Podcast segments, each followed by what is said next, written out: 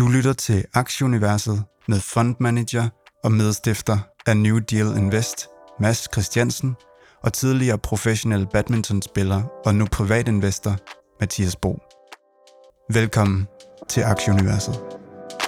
We are living through an era of unprecedented change to our society as well as our economy. Make no mistake about it. Growth is not just a financial issue, it is a strategic issue.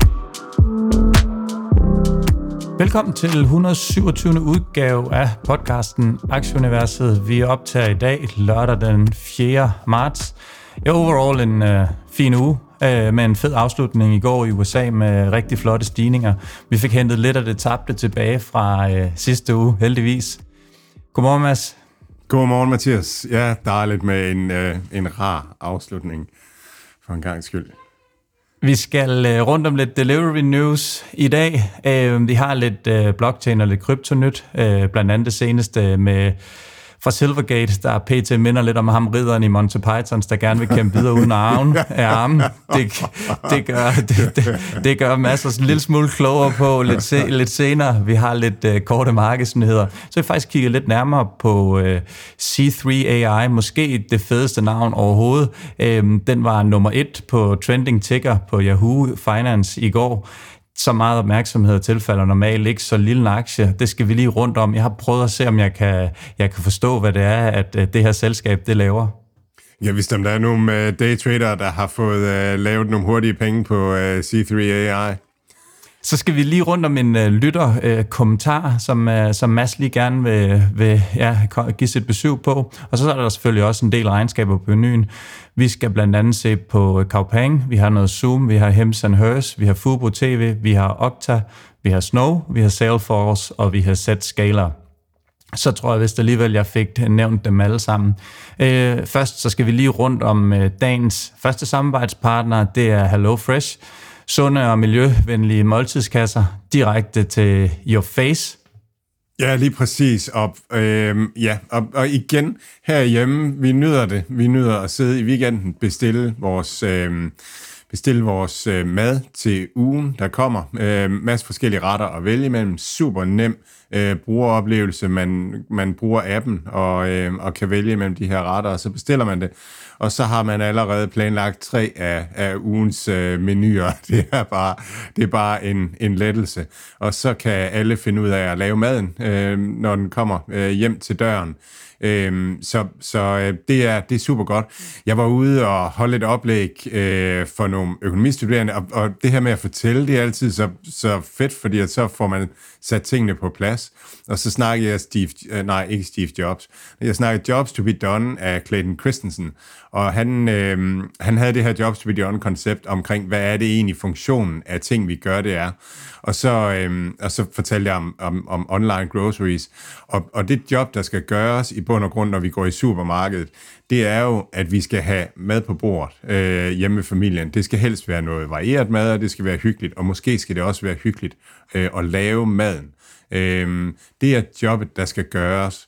Og så er det underligt, at man, man tænker, at, at en fed måde at starte det på, det er at gå ned i supermarkedet og gå mellem alle de andre og hoste på hinanden og, og vælge de varer, man skal have med hjem øh, og så videre. Fordi det er i virkeligheden ikke jobbet, øh, der skal gøres. Det er at få, få, øh, få god varieret mad på bordet. Og det job, det gør HelloFresh på en mega god øh, ny måde, en ny værdikæde, og det synes jeg er sindssygt spændende. Så hvis man, hvis man gerne vil lære lidt om nye værdikæder øh, og, øh, øh, og jobs to be done, så er det simpelthen bare at prøve det af, og det kan man gøre ved at øh, gå ind på HelloFresh, og så kan man få rabat, fordi man er lytter her. Det kan man nemlig, man hopper bare ind, og så skriver man i universet, så får man 30% på første og anden kasse, 20% på tredje og fjerde, fjerde og femte kasse. Det her tilbud, det gælder øh, nye kunder, øh, der for tre måneder siden eller længere har opsagt deres abonnement, og så får man også øh, fri fragt på første kasse. Lad os lige i det her delivery-univers lige få en update på ugens uh, delivery news, Mads. Dem uh, står du for? Ja, DoorDash er altid frisk uh, på noget nyt. uh, de jeg, skulle til at sige, hvad er, jeg skulle til at sige, hvad er DoorDash-nyheden i den her uge, men den ja, kom så til at starte med. Lige præcis. Øhm, de har et nyt tool, der giver sælgerne let adgang til øh, salgsdata. Det har været noget af det, som, som øh, nogle af deres sælgere har har, synes har været svært, og nu lancerer de så et, et nyt produkt. Og det er simpelthen det her med at gøre livet nemmere for, øh, for handlende og, øh, og sælgere, så de kan markedsføre sig rigtigt. Og igen, så er det interessante, det er det her med, hvor, hvor, hvem har data øh, fremadrettet i, i den øh, næste generation af den digitale verden.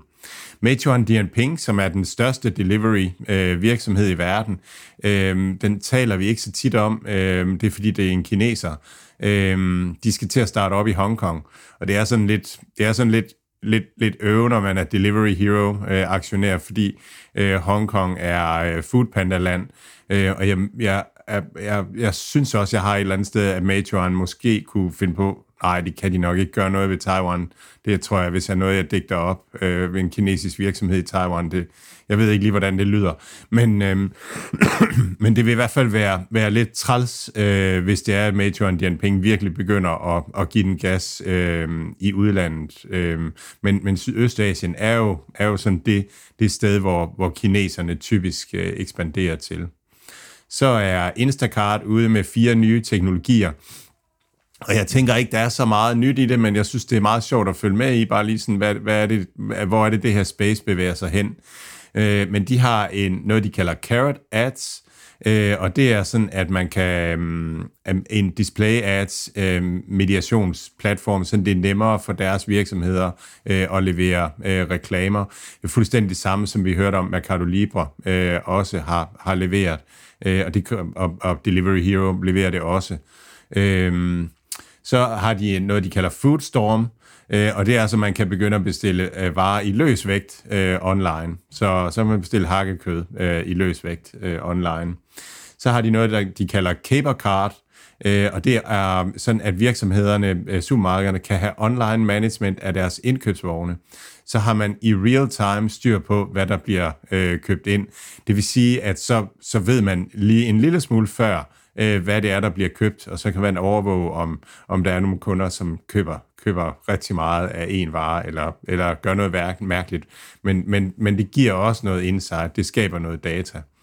Øhm, og så har man... Øhm, så, har man, øh, så lancerer man noget, man kalder integreret øh, fulfillment, øhm, og det er sådan, at, at man bygger øh, digitalt bygger, øh, bygger den, den fulfillment-del, man har, altså leverancerne, endnu mere ind i, øh, i sådan, øh, det digitale workflow, så det bliver endnu nemmere for virksomhederne at gå til.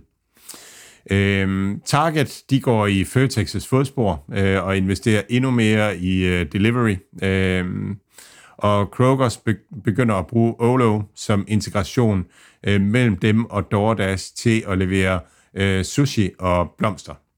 Så øh, det, det bobler øh, og, og sådan noget. Og igen, det, det her øh, online groceries og delivery, det er det, er det hurtigst voksende e-commerce segment derude i øjeblikket, så det er super spændende. Lad os lige prøve at kigge lidt på de overordnede øh, tangenter.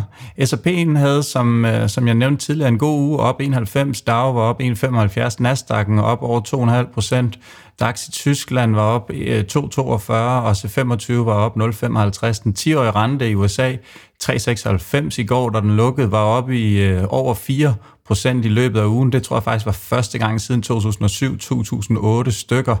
Øh, olien, den, den, den kysser med 80 US dollar, og øh, euro-dollar-krydset er i 1,06.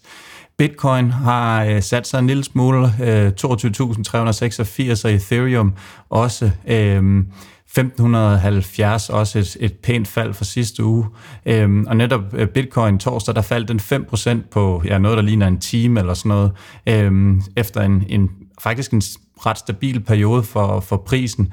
Øh, Bitcoin er stadig den her langsigtede uptrend, øh, og det punkt, man skal holde øje med, hvis man tror på teknisk analyse, det er lige her omkring de her 22.000, skulle helst blive over der for, for at holde momentum. Øh, så ja, hvis man tror på den slags, så er det i hvert fald det her punkt, man sådan ligesom skal øh, holde, øh, holde øje med. Ja, og, og, øhm, og på indeksniveau, øhm, vi har talt om den her nedadgående trend på S&P 500, som med faldende toppe og faldende bunde, hvor vi så fik en ny højere bund i december, øh, og så faktisk fik en, en ny højere top øh, i øh, her i januar og februar, eller i februar, så, så den nedadgående trendlinje blev brudt. Så fik vi en, øh, så, så har, er vi efter starten af februar, så er vi, så er vi gået nedad igen, og så har vi været nede og præcis testet den nedadgående trendlinje igen øh, her i ugens løb. Og nu øh, med, med gårdsdagens optur, så er vi faktisk øh, sådan øh, solidt over den nedadgående trend igen. Og det er det, man kalder en, en backtest øh, af landen lige. Så når man har et, et, et udbrud fra et, et, sådan et stabilt teknisk mønster, så skal man som regel øh, ikke bare lige op derfra, man skal som regel tilbage lige og teste og se, var det virkelig, øh, var det virkelig rigtigt, at vi skal op over det her. Så, øhm, så, så den nedadgående trend er stadigvæk brudt, øh, og vi er stadigvæk inden for noget, som kunne ligne et, øh, et bullish øh, mønster. Men altså, ja, så hørte vi Rangved i øh, Millionærklubben her øh, i ugens løb, der talte om, at renten måske skulle noget højere op, og måske i noget længere tid, og, og så videre, og snakke om recession i, i efteråret. Så, så det er, ja, det er svært at, at, at gætte på, øh, lige hvor vi skal hen. Vi kan i hvert fald nok konkludere, at det er stadigvæk makro i øjeblikket, der, der styrer det, og ikke så meget teknisk øh, analyse måske, men i hvert fald så, øh, så kan man holde øje med de her punkter, som vi lige har nævnt, både for S&P'en, men også for, for Bitcoin, for sådan ligesom at være med, så, så man ved, dem, der, der investerer efter teknisk analyse primært, jamen så ved man ligesom, hvornår de måske sælger eller køber. Øhm, jeg vil gerne lige tilbage til, til Bitcoin hurtigt, Mads, fordi det her kraftige fald af torsdag, det skyldes jo primært den her Silvergate, øh, som jeg teasede lidt for, øh, hans småhandicappet i øjeblikket. Kan du ikke lige øh, komme med, med lidt breaking derfra? Silvergate, øh, som, som jeg lige, og jeg har kun set det overskrift for, men det som jeg har sådan har fået med, det er, at, at nogle af de store sådan øh, crypto exchanges og sådan noget, har valgt at sige, at de vil ikke bruge øh, Silvergates platform øh, Øh, mere, og jeg mener Coinbase øh, var en af dem. Silvergate har, jeg tror vi talte om den for nogle uger siden, hvor, hvor den har for mig skiftet karakter til en af dem, som jeg har et frimærke i. Øh, og, så, øh, og så må vi se, hvordan, hvordan det går. Hvis det, hvis det lykkes dem at styre fri af det her, så er det fedt øh, og så er der virkelig potentiale, øh, men, men de er virkelig også øh, i tårne. Fra uge til uge at handle på nyhederne og sådan nogle ting, det er, det er simpelthen øh, det er for svært. Det er place your bets, øh, og så... Øh, og så, så, ja, så har man en chance for, at, at det lykkes, og, og en risiko for, at, øh, at det ikke lykkes. Generelt om markedet, så tror jeg, at, øh, at, at, at risiko får man en rigtig god øh, en rigtig god pris for at tage i øjeblikket, fordi der er så meget pessimisme. Jeg så en undersøgelse fra Morgan, øh, JP Morgan, hvor de havde gjort op tilbage i .com, øh, perioden der fra 2000 til 2005, øh, der havde man lavet en kurv af forskellige virksomheder, af teknologivirksomheder, og man havde startet til at starte med at dele dem op i dem, der var profitable, i 2000, og dem, der ikke var profitable i 2000. Og det, der egentlig var, sådan var, det var, at, at dem, der var profitable, de faldt ikke nær så meget, som dem, der ikke var profitable. Så de ikke profitable i 2000 delte man så op i to kurve. Dem, der blev profitable øh, til 2004, og dem, der ikke blev profitable til 2004. Og, og da man var halvandet år inde i .com, der var det sådan, at, at dem, der blev profitable, de gav et rigtig, rigtig godt afkast. De gav et afkast på 350 procent cirka øh, over de næste par år. Mens dem, der ikke øh, var profita- blev profitable, de gav også et fint afkast øh, på, på 150 procent cirka over de næste to år. Og det var faktisk det samme afkast som dem, der var profitable på det her tidspunkt. Og faktisk så fra halvandet år ind i .com til to og et halvt år ind i .com-boblen, der, der var de dårligst performende af de her teknologiaktier, det var dem, der var profitable fra starten af, fordi de ikke faldt så meget. Og det, det, så, så det, der, det, der skete dengang, det var, at det, der var højrisiko, det, det blev hurtigt og effektivt sat ned i pris. Det minder lidt om, om det her, og de kunne godt tale ind i det her med, at, at risiko får man virkelig en høj, øh, en, en, en høj præmie for øh, lige nu. Så ja, place your bets og, og pas på pengene. Silvergate ned 60 procent øh, for, for ugen på de her, det er selvfølgelig, øh, det er selvfølgelig relativt voldsomt. Øhm, så skal vi have øh, dagens anden samarbejdspartner, Ida. Mads, du bliver nødt til at forklare, hvad Ida er, og hvem de henvender sig til. Ja, det er ikke min datter, Ida. Øh, det, er, det er fagforeningen Ida. Øh, og det er en fagforening, som specialiserer sig i at arbejde med naturvidenskab, IT eller, øh, eller ingeniører. Og, og, og så gør de det, at de er meget mere end, en, end bare en, en fagforening. Øhm, deres, sådan, deres øh, korte pitch, det er, at de udvikler dig i hele dit øh, arbejdsliv. Øhm, og det, øhm, det, det, de er mere end en fagforening, det er, at, øhm, at de hjælper med at udvikle dit arbejdsliv. Altså, så du kan få karriererådgivning, du får kompetencerådgivning, øhm, kompetencecoach, situationsanalyse, sådan et eller andet, få en at tale med om, hvor er jeg lige nu i mit, mit arbejdsliv, øh, og sådan nogle ting, hvad er, om resten af mit liv, hvor skal jeg hen af? Øhm, styrketesten har de noget, der hedder, hvor de hjælper dig med at finde ud af, hvad er sådan dine styrker og dine svagheder, og hvad betyder det for den vej, du vælger. Øhm, så, øhm, så kan du få hjælp til at tjekke din løn, og du kan få hjælp til øhm, din kontrakt, altså få den gennemgået. Er der de rigtige vilkår, er det, er det som det skal være? Og så, øhm, så det her med, at de sådan er specialiseret på nogle farvegrupper, det, det, det, det giver rigtig meget mening, fordi de hjælper med at øhm, styrke dit faglige netværk. Så du får invitationer til konferencer, arrangementer, webinarer inden for de områder, du arbejder med. Øhm, og så kan du få rabat eller gratis entré til konferencer eller arrangementer, som bliver afholdt fra deres netværk. Så, så de hjælper dig også med, med netværksdelen. Så er det som som mange andre af den type, så, jamen, så har de en masse samarbejdspartnere, hvor du kan spare penge, øh, når du handler øh, som medlem hos dem, øh, og så øh, gør de rigtig meget ud af også at hjælpe med at få billige forsikringer.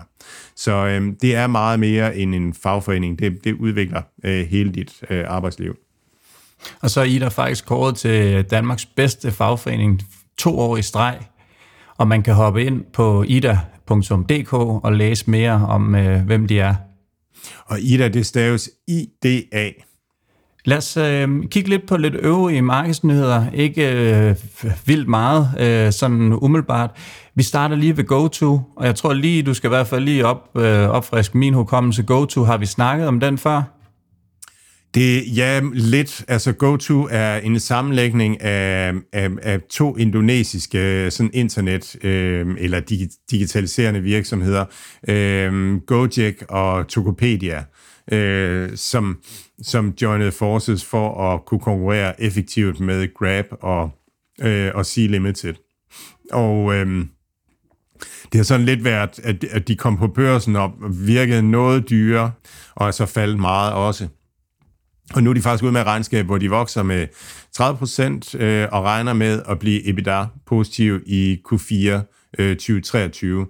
Og hvis man lige tænker tilbage til det, jeg fortalte om med JP Morgan, at de virksomheder, som går fra at være ikke profitable fra starten af det her, øh, af den her orkan, til at være profitable, at, at de får en god kursrejse, jamen så, så er det her endnu en af de her delivery virksomheder, øh, som, som melder om, at, at de bliver profitable, skifter til profitabilitet. Og det er også rart for Sea Limited og Grab, som de konkurrerer med, ligesom at, at deres konkurrent ikke vælger at fortsætte med at brænde penge af, fordi det er bare træls at konkurrere med. Det er rarere at konkurrere med nogen, som, altså som, som også skal tjene penge. Så øhm, det tegner meget godt for, at hele det her samlede segment bliver øh, profitabelt i løbet af de næste år. Så øh, opstart ud med et nyt øh, samarbejde, øh, undskyld, et nyt partnerskab. Ja, Cura, som er Hondas luxus, luksusbils øh, øh, producent øh, partner op med, med Opstart. Så øh, de har, det virker som om, de har god traction i deres øh, billåns øh, Øhm, øh, Bilunds øh, ting her, også med at få øh, OEM's, altså originale øh, bilproducenter øh, på, øh, så ikke bare brugtbil, øh, brugtbilshandlere. Øhm, og noget af det, som, som jeg kan læse mig frem til, det er, at, at de laver, altså de, de digitaliserer hele oplevelsen, sådan at, at hele den der proces med at finde lån og, og, og underskrive, lave papirarbejde og sådan nogle ting, det leverer de til øh, til de her bilforhandlere, sådan at, at de har et digitalt flow, som de kan øh, tage kunden ind i. Så det virker som om, at Opstarts øh, bildel øh, går rigtig godt. Nu når vi alligevel har fat i hestehalen på Opstart, hvad er de sådan, øh, dit generelle take på, på Opstart PT? Altså, sådan helt personligt, så er det, så er det en af de virksomheder, jeg tror øh, har et, et, et kæmpe stort potentiale lige nu, fordi de har altså penge nok til at, øhm, til at, at, at, gå, øhm, at, at komme igennem stille og roligt øh, den her nedtur. Og så snart man piper opstart inde på Fin Twitter eller sådan et eller andet, så får man bare at vide, at man er en klaphat. Øhm, så, så, så narrativet er sindssygt negativt. Altså, der er mange, der mener, at, at den går bare automatisk konkurs. Øh, og det, det kan jeg ikke rigtig se, den gør. Øhm, og så på et eller andet tidspunkt, så bliver den her økonomiske modvind, den bliver til, til medvind, eller i hvert fald ikke modvind. Øhm, og så, så er der ikke nogen grund til, at Opstart ikke får en væsentlig højere omsætning, øh, end de har haft tidligere. De får flere og flere partnere på, både på, på billånssiden, men også på, øh, på udlånssiden. Der er bare ingen af deres partnere, der har lyst til at låne penge ud lige nu, fordi at, at makro er, som det er, og, og pengene er, er dyre lige nu. Men, men det vil normaliseres. Økonomien bevæger sig jo i cykluser. Så, så det er nu, hvor alle er, er negative, at, at det kan være godt. Så jeg tror, øh, jeg, jeg, jeg tror rigtig meget på opstart, men jeg tør næsten ikke sige det. Øhm, så ja. Jeg, jeg kan, jeg, personligt så har jeg hældt den ud med badevandet. Jeg husker stadigvæk, da jeg købte den i 300 et eller andet 20, øh, tror jeg, den første ja. portion, eller et eller andet i den stil der. Øh, nej, jamen, som sagt, så har jeg solgt den ud her. Øh, det, det er sådan egentlig mere et, et, øh, sådan en januars øh, oprydning i, i min portefølje, hvor jeg har brugt sådan øh, de første par måneder her mere sådan på at kigge lidt mere ind i, i, den her, i de her trend i sektorerne, og så gå lidt mere ud af de her enkelte aktier, som jeg måske ikke 100% forstår, eller forstår godt sådan princippet i den, men jeg kan ikke vurdere, om opstart er bedre end, end nogle af deres konkurrenter eller et eller andet, så det synes jeg ikke rigtigt det vedmål, jeg vil kaste mig ud i. Det, jeg kan i hvert fald ikke se, at jeg har en edge, øhm, og jeg er ikke øh, født med en kugleramme i, i hånden, så jeg, sådan, jeg tror, jeg bliver nødt til at gå lidt bredere til værks og bruge de kompetencer, jeg ligesom har, ved ligesom at, at måske læse mig frem til, til, jamen, hvad er de bredere trends, og det her, der er ingen tvivl om, at det her fintech øh, er, er fremtiden, og, og, men, men hvem vinderen er, det tror jeg, at, at det er mere held forstand, hvis jeg prikker dem ud. Så, øh, så det er egentlig mere sådan for måske at være lidt mere konservativ til værsk, og så vil jeg hellere tage en fond som, som en innovationsfond eller en fintech-fond, som, som tror at opstart, hvor de har nogle eksperter til at sidde og analysere det, og videre, at jamen, det her det er altså fremtiden, og de har en god chance for at blive vinderen inden for det her. Så øh, ja, det er sådan det er sådan egentlig mere derfor, jeg har solgt den. Øh, ja. Ja, og, og præcis. Altså, det er, um, opstart er jo en, en, en lille virksomhed, og, og, og man skal også have respekt for, at, at markedet mener, at, at den kan gå konkurs. Så, øhm, så, så igen, så tror jeg, vi er over i det her med, at, at hvis, man, hvis man spiller på, på, på 10-20 forskellige af de her, øh, den her type virksomheder, så tror jeg, man får et vildt godt afkast øh, over de næste par år øh, men, men nogle af dem vil også gå i knæ. Så, så det at sidde og fedt med det selv og, øh, og have 10% af sin portefølje i sådan et eller andet, det er, det, det er ikke særlig hensigtsmæssigt, tror jeg. Vi skal lige en tur forbi øh, Kina også. Øh, tirsdag der kom øh, PMI-tal bedre end ventet for Kina, det gav flotte stigninger. Fredag var øh, markedet præget af, hvad hedder det nu, endnu solide aktivitetsdata, øhm, og så samtidig så, øh, så ser man frem mod det her årlige parlamentsmøde, der starter i morgen søndag, og det er så her, at de her hvad hedder det nu, økonomiske mål for året, de øh, fremsættes, og, øh, og det, bliver, det bliver rigtig spændende. Det er selvfølgelig noget, der godt kan sætte gang i, i markedet, både den ene og den anden vej.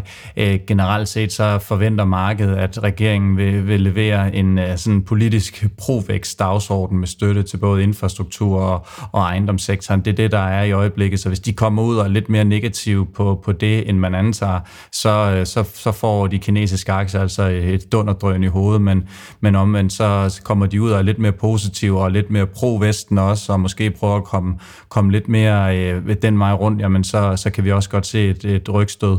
Øhm, så, så det holder vi øje med. Jeg er sådan relativt hårdt eksponeret mod Kina. Jeg tror, at den her corona øh, og de tal, vi så har set her, er, er positive, og jeg tror godt, at det kan udkonkurrere de andre øh, ja, øh, verdensdele en, en lille smule her. Det ved jeg i hvert fald på. Øhm, Jesper Rangved der var øhm, professoren fra CBS, som, øhm, som jeg hørte i Millionærklubben her i den her uge. Han, var, han talte også om, om, om Kina, at, at Kina var, var måske det sted, hvor der sådan, mm, kunne være strukturel vækst øh, det næste år her, at, at det ville være vigtigt for, for verdensøkonomien øh, for at holde ja, dampen oppe, kan man sige, så vil det også tendere til at holde inflationen oppe, og det kan godt give centralbankerne problemer og, og gøre, at renten skal være højere noget længere tid. Så det er sådan et, et tvækket svær øh, for Vesten. Vi kan måske lige prøve at, øh, at hive fat i Peter Lisby på et tidspunkt, for lige at få, få ham med igennem, og så lige se, om, om han lige kan gøre os en lille smule klogere på det. Det kunne eventuelt være spændende efter den her, øh, det her parlamentsmøde, i, som starter i morgen. Så, øh, så jeg prøver lige at stikke en finger i jorden og se, om jeg ikke kan lokke ham til at være med. Det gør vi. Nok om Kina. Øh, Mads, der er en Unity-nyhed, vi lige skal rundt om. Ja, Unity har, øhm, har introduceret en, new asset, en, en ny asset store category, øh, og det er for decentraliserede teknologier i gaming. Øhm, de skriver, This dedicated page on the asset store will help interested developers find verified solutions to manage digital assets, set up smart contracts, built on blockchain networks and more. Øhm, så, så Unity er så ude og, og hjælpe med at facilitere og for, for spiludviklere at bygge øhm, blockchain-spil, øh, eller spil med, med blockchain-komponenter. Øh, det synes jeg er, er vildt spændende, og det er præcis det, Unity kan, altså øh, være den store, der, der ligesom er platform for spiludviklere, sådan at spiludviklere kan, kan skal designe spil, øh, finde ud af, altså øh, være god til at finde ud af, hvad, hvad er sjovt inde i spil, men så skal øh, backend og, øh, og infrastruktur for spillene og sådan noget, skal, skal ligesom være noget, som man kan, kan, kan bygge sammen øh, af Lego-klodser øh, via Unity. Fuldstændig ligesom øh, Shopify hjælper e-handlere med at få sat en, øh, en hjemmeside op øh, på en let måde. Øhm, så så øh, ja, der havde fået en sød historie. Jeg, jeg var øhm, øhm, øh, tvillingerne, de havde fødselsdag her i, i sidste uge, og så var jeg så skulle jeg hente, en, en, øh, hente deres øh, kage, øh, og det var noget, der hedder Snirkleriet i øh, Aarhus. Sådan en, en opstart, øh, der laver rigtig fine kager, og det kan varmt anbefales. Jeg tror lige, jeg smider noget op i, i Aktieuniverset, øh, øh, Facebook-gruppen, øh, billeder og så lige en, en henvisning. Nå, men, men så skulle hun, øh, da jeg så skulle betale, så hævde hun sådan en lille kasse frem, og, og det var på hendes iPad, og sådan, så spurgte jeg til, hvad det var, og det var så Shopify, og så skulle jeg jo høre mere om det, og så videre. Øh, og, og hun havde netop brugt Shopify, fordi det var nemt at få en webside op og stå, og så videre, og så var det nemt at integrere deres øh, betalingsløsning øh, også. Øhm, og så var hun aktieuniverset lytter også, det synes jeg bare var, var så hyggeligt. Så, Ej, nu, øhm, nu er tårerne, de triller nærmest ned ad ja, kender ja, ja, lige præcis. Så det var, det var, det var rigtig spændende. Men, men det er det, som Unity gerne vil være for spiludviklere. Det er, at så, så skal du bare kunne lave et spil, øhm, ligesom Shopify er. Hvis du kan bage kager, så kan du øh, sælge kager på nettet øh, via Shopify. Øhm, skal også lige rundt om Amazon. De øh, udvider lidt. Kan du ikke lige fortælle lidt om det? Jo, Amazon Web Services øh, åbner i Malaysia, øh, og det er jo det her med, at vi skal have dataen liggende tæt på, øh, på dem, der skal bruge dataen. Øh, og det er, det er Amazon Web Services i gang med at, med at udbygge. Igen, Amazons strategi, alt hvad vi tjener, det pløjer vi ind i at bygge infrastruktur for, for fremtiden. Så øh, de klør på. Så var der jo øh, for Tesla Investor Dag, øhm, der var øh, ja, der var jo set frem til det her med, med mange visioner og de her vilde tanker, som Elon Musk går. Det var måske en lidt sådan jeg ved ikke, om det er måske tavligt at sige en lidt tam omgang i forhold til, hvad det plejer at være, men måske lidt mere afdæmpet i hvert fald i forhold til det. Der var, der var rigtig meget fokus på, på batteriet, det her 4680, som det hedder. Øh, de snakker lidt om de her prisstigninger på lithium, der ikke er helt er indregnet endnu, øh, og så planlægger de, planlægger de en, en ny fabrik i øh, Mexico. Og så øh, bliver der gættet på, at det er i slutningen af året, at øh, Fiat Multipla og Suzuki Wagoner, de skal begynde at ryste i bukserne, for der får de en konkurrent mere til titlen som verdens grimmeste bil, nemlig den her længe ventede Cybertruck, som, øh, som, de, som de gerne vil det her på gaderne snart, som er blevet udskudt et par gange i hvert fald, så det bliver rigtig voldsomt, hvis man skal til at kigge på den også. Øhm, men øh, ja, det, det var sådan nogle af de sådan lidt, ja, man siger lidt, lidt mere afdæmpede nyheder, men, men klart, at det her med batteriet, det er selvfølgelig utrolig spændende, og det er noget af det, som, som Tesla stadigvæk meget bekendt er førende på, og, øh, og det, de, det er de virkelig dygtige til at, at få gjort, så øh, fuld, fuld fokus var dem på det her batteri, som jo selvfølgelig også er afgørende inden for den her ja, elbilsektor. Altså, du har, lige, du har lige helt sikkert gjort, at du aldrig bliver bilanalytiker i din fremtid, hvis, hvis du ser uh, Cybertruck som konkurrent til, til Fiat uh, Multipla. Og... Som, som verdens grimmeste, jo, det er helt sikkert, at jeg bliver analytiker, det, eller hvad hedder det nu, øh, øh, anmelder. Ja, den synes jeg godt, man kan grimme. Lige, så, lige så grim som de andre. Den er nok, kører nok en lille smule federe end en Multipla og en, en Wagonair, men Wagonair, der kan du have 16 ølkasser om bag, og det kan man jo alligevel ikke konkurrere med. Så kunderejsen for en Fiat Multipla køber, det er, at øh, man tænker, at jeg skal have en grim bil, og så, øh, så går man i gang med at afsøge markedet, og, og så ender man med en Fiat. Det, de, de, ligger, de, ligger helt, de, ligger, de ligger helt i toppen, de to her, så man går mellem semigrim, så kan man lige så gå hele vejen og sige, at jeg har simpelthen den grimmeste på hele vejen, og det er en øh, Fiat Multipla. Jeg tror desværre ikke, de laver den mere men, øh, men jeg skulle da have købt en, øh, mens, mens den stadig var i produktion. Nå, ej, vi skal til at lige være lidt seriøs igen. Øh, Snap, de laver en øh, AI-funktion. Hvad, ja, øh, ja, hvad kan ja, den? Jamen, den kan det samme som Bing, tror jeg. øh, den, den kan de der ting der, så det er, det er indbygget nu i, i deres øh, app øh, taler lidt ned i det, som, som jeg synes, jeg har talt om, at det der, det, der, det, der ligesom betyder noget for artificial intelligence på forbrugerniveau i hvert fald, det er simpelthen, at man har en distributionsplatform, og at det bliver bygget ind i produkterne. Øh, og så er det bare, at, at man også får ondt i maven, fordi at, at det er virkelig dyrt øh, at levere. Så, øhm, men, men det man kan sige øh, med Snapchat, det afhænger jo af, om, om AI-funktionen øh, ligger, i, øh, ligger ude på, på devicet, fordi så er det forbrugeren selv, der betaler strømforbruget og, og lægger, lægger chips til, eller om, om det ligger hos øh, Snapchat, og det er nok en, en kombination af det. Øhm, ja, vi skal til at kigge en lille smule på øh, det her meget cool name, synes jeg. Øh, C3 AI. Øh, det var en virksomhed, jeg for øh, to år siden, tror jeg, ejede, øh, og derfor har den så været på min watchlist øh, igennem, øh, ja, igennem et par år. Øhm, den er sammen med meget andet øh, growth tech fuldstændig bumpet. For to år siden var den i omkring øh, 160-70 stykker, så røg den ned i, i en 10-11 stykker, og der så, så den så steget op til omkring 30 siden. Øhm, og jeg tænkte sådan egentlig sådan, Ja, faktisk, selvom jeg ejede aktien, øh, så, øh, så er det lidt pinligt at sige, men jeg forstod ikke, hvad det var, de lavede. Det forstod jeg faktisk ikke ind til, til før onsdag, øh, og jeg tænkte egentlig, at nu vil jeg lige prøve at kigge lidt nærmere på det, og grunden til, at jeg ville det, det var, at jeg så i regnskabskalenderen, de ville fremlægge, øh, hvad hedder det nu, regnskab om torsdagen, og så tænkte jeg, jeg vil lige bruge en times tid på at se, hvad det er, og om jeg eventuelt kunne gøre en god handel ved at købe den her inden regnskabet. Så nu, Mads, vil jeg lige lave en lille øh, fremlæggelse for dig, så kan du rette mig øh, og, og byde ind. Så øh, jeg er simpelthen tilbage på, øh, på skolebænken, så derfor er jeg også en lille smule øh, nervøs.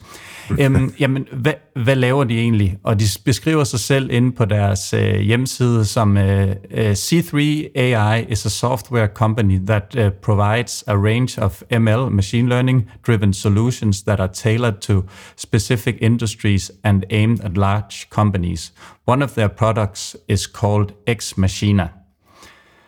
Okay, og hvis I så sidder derude og, øh, og, og tænker ligesom mig, jeg forstår godt ordene, men jeg er overhovedet ikke blevet klogere på, hvad de, øh, hvad de, hvad de, øh, hvad de laver, så bliver man simpelthen nødt til at, at læse lidt videre igen. Øh, den her X-Machina, den tillader business-analytikere, data-analytikere, videnskabsmænd eller den almene danskere, skråstreg, alt muligt andet, øh, til at analysere data øh, nemt og hurtigt, altså big data. Og det man egentlig gør, det er, at man propper en masse big data ind i den her X-Machina, som så via sådan en drag and drop funktion, så kan man sortere og analysere data uden at skulle ind og kode det.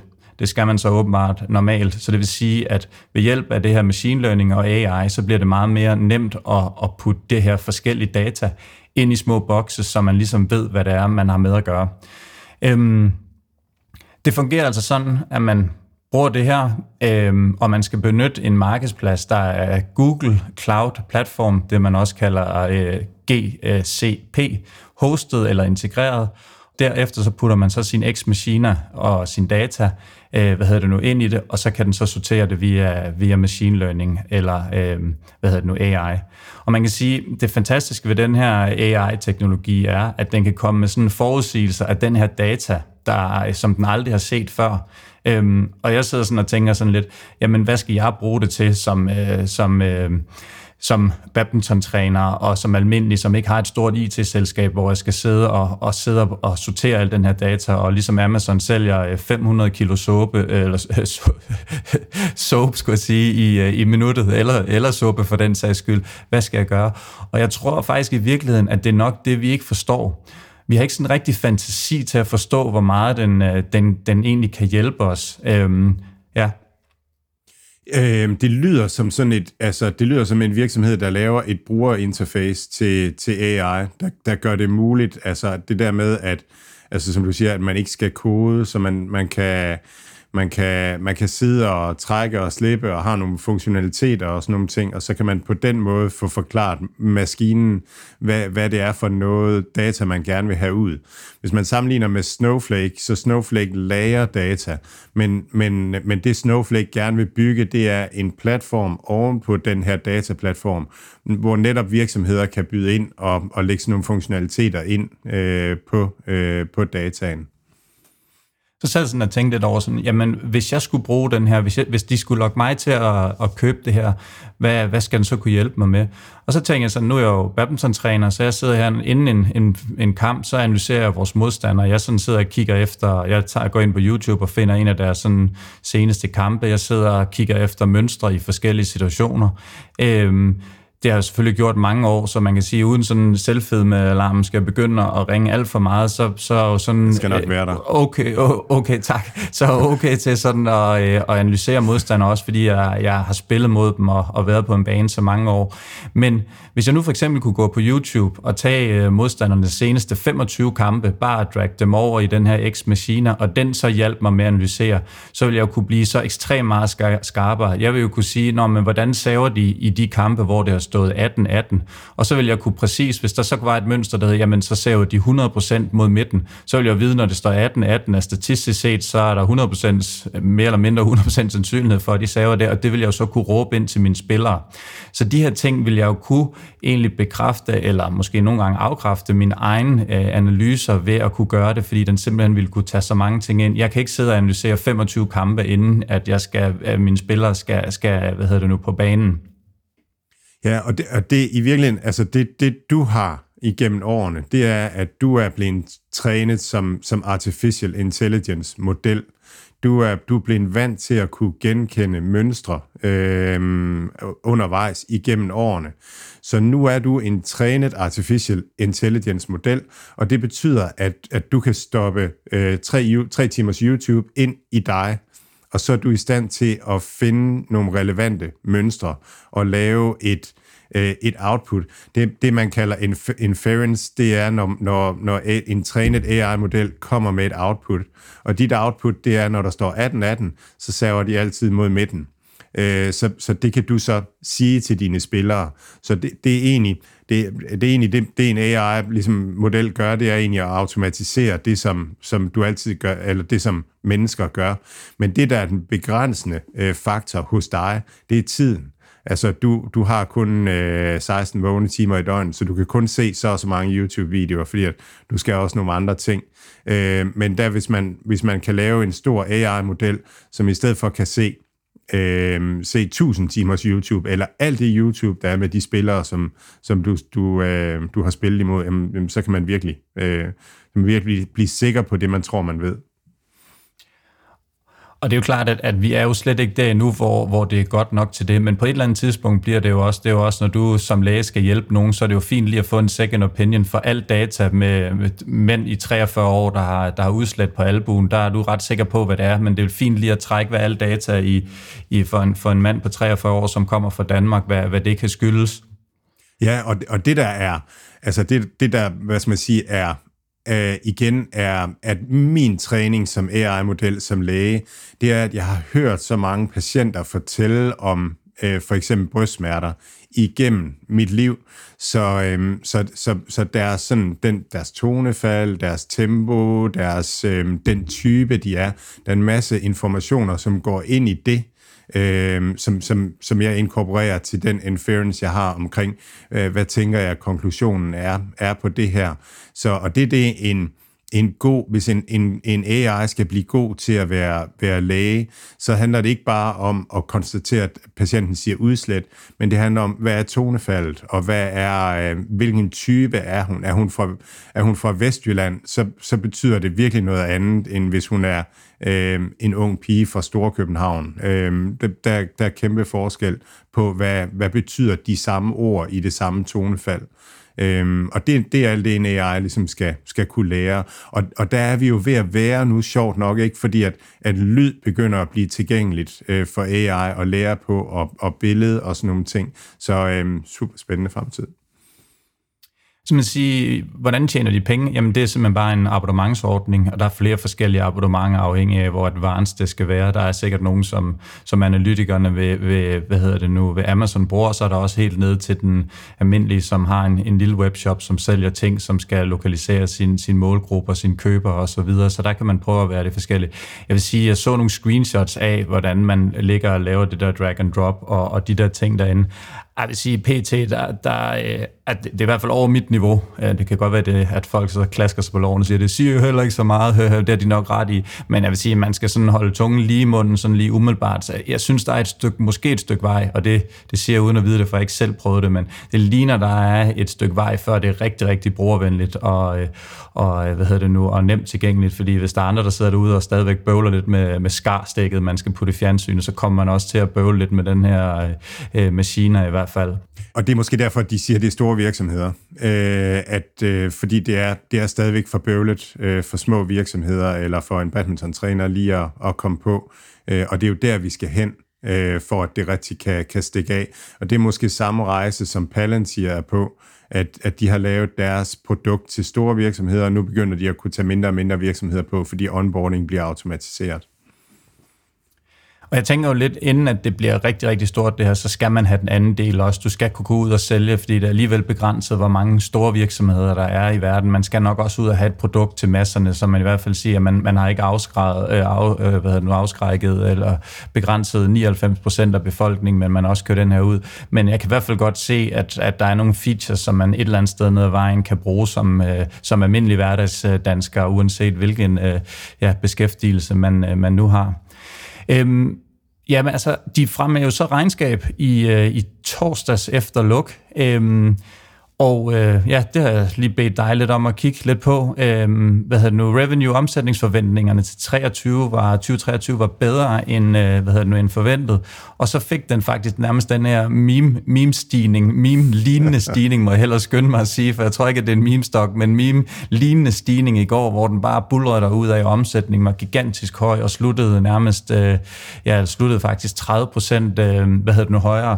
Men, øh, men det var ikke noget, som, øh, som fik dig til at løbe løbe, øh, hvad hedder det nu, øh, uden bukser rundt i bare optimisme hjemme i, øh, i det lille hus, hvad hedder det nu, når du sådan kiggede på, på resten af tallene, sætter os lige ind i, hvad, hvad du så? Jamen altså, øh, om, omsætningen øh, 67 millioner, og det er et fald på 5% i forhold til, til sidste år. Så hvis du skal sælge til mig, at det her, det virkelig, virkelig er fremtidens virksomhed, der bare leverer produkter, sparker REV, så, så, så vil jeg også gerne, for at jeg skulle tro på det, øh, se en, en omsætningsvækst. Øhm, og det, det er en af de ting, jeg har haft med Palantir, at jeg synes, den vokser lidt for langsomt. Men det er jo det her med, hvis man hvis onboarding er for svær og sådan nogle ting, så kan det være at få bøvlet, så er det kun store virksomheder, og så kan sådan svinge noget. Øhm, så, så, så, men der, og deres salg er oppe øh, 8% kvartal over kvartal, og, og det må være det, markedet øh, godt kan lide. Når man så ser længere ned i regnskabet, altså så har de deres øh, stock-based compensations til medarbejderne er stort set det samme som omsætningen, altså som toplinjen, øh, og underskuddet er også i samme størrelse som omsætningen. Og så er prissætningen øh, den samme som de store cybersecurity virksomheder, Fortinet og Palo Alto, en EV sales på, øh, på 9. Så det vil sige, hvis vi lige sammenligner med dem, så det, det vil sige, at, at hvis man skal købe for 10.000 øh, dollars omsætning i Palo Alto, så betaler man 10.000 dollars øh, som, for at købe sig ind i aktien.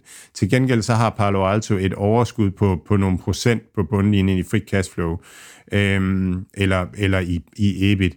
Øhm, så hvis man så køber øh, for, for 1.000 dollars omsætning i øh, C3 AI, så betaler man 10.000 dollars for det, og til gengæld så får man 1000 dollars i underskud. Øhm, så, så det er altså, ja, det, det, jeg har svært ved at se, at den skal være prissat på samme niveau øh, som, som de andre der, så jeg synes, det virker, jeg synes, det virker alt for dyrt øh, for det her. Jeg synes, den skulle koste maks en tredjedel. Men, men jeg forstår heller ikke lige, altså, hvad det er, der skal drive, at, at de begynder at onboard en masse kunder. Så jeg lidt tænker på, nu nævnte du Palantir før, det er jo måske det her med, at, at hvis der er nogen, der rigtig nu har de der amerikanske forsvar som, som en stor kunde der, og det er det, jeg siger med, med, med det her produkt, er måske, at de bare, øh, bare skal sige så Der er rimelig mange, der gerne vil have Amazon eller, eller nogle af de andre øh, store virksomheder som kunde, hvis det nu, nu lige er, er dem, hvor det passer ind. Men, men hvis de kan gå ud og fange en af de her, fordi de simpelthen er længere fremme end nogle af deres konkurrenter med det her, jamen så, så skal der måske ikke så meget til at, at øge omsætningen rigtig, rigtig meget, fordi hvis de er ude og, og laver samarbejde med, med eksempelvis øh, Amazon, jamen så 65, øh, 65 millioner dollars er jo ikke, ikke vildt meget inde i, i den her branche branche med, med, med data og optimering af, af salg og sådan nogle ting. En anden ting, det er sådan, hvis du tænker fremad, altså sådan, så skal de konkurrere med, de skal konkurrere med dem, de, de udviklere, der udvikler på Snowflakes øh, platform. Og, og hvis, hvis de virksomheder har deres data liggende på Snowflakes platform, altså, så bruger man ikke C3 AI's produkt. Så, så jeg synes, der mangler, der mangler ligesom nogle voldgrave, eller noget vertikal integration, eller, eller sådan, der mangler et eller andet, der gør, at man tænker, at at, at, at det omsætning, de, de genererer nu, det er de sikre på at have i mange år frem i, i tiden, for at de rigtig kan komme til at tjene mange penge. Og så i forhold til Palantir også, Palantir er, er, er EBIT positiv nu. Øhm, C3 AI brænder hele deres omsætning af i underskud. Så ja, jeg er skeptisk. det er fair nok, det skal du have lov til at være. Øh, jeg, øh, jeg, jeg tog en chance og købte den ind regnskab, og det var jeg jo selvfølgelig så rigtig glad for, at jeg solgte den så også i går. Selvfølgelig ikke på, øh, på toppen, men jeg solgte den med en, med en rigtig god profit. Så, øh, men øh, ja, det var så nok mere held end forstand. Jeg, jeg tænkte, at det her AI-boom og en, en aktie, som er steget meget på, på bagkant af de her øh, forskellige chatbots rundt omkring og sådan nogle ting, jamen der, der var det bare sød musik i mine ører, øh, og nu, nu forstår jeg så nogenlunde, hvad de laver, så og nu har jeg fået at vide af dig, at, at tallene ikke er super gode, så ja, det var en, måske en fin grund til, at jeg solgte den i går, og jeg stak af med, med skillingerne i lommen. Det, der var en daytrader, der tjente godt på det, skide sejt. For en gang skyld.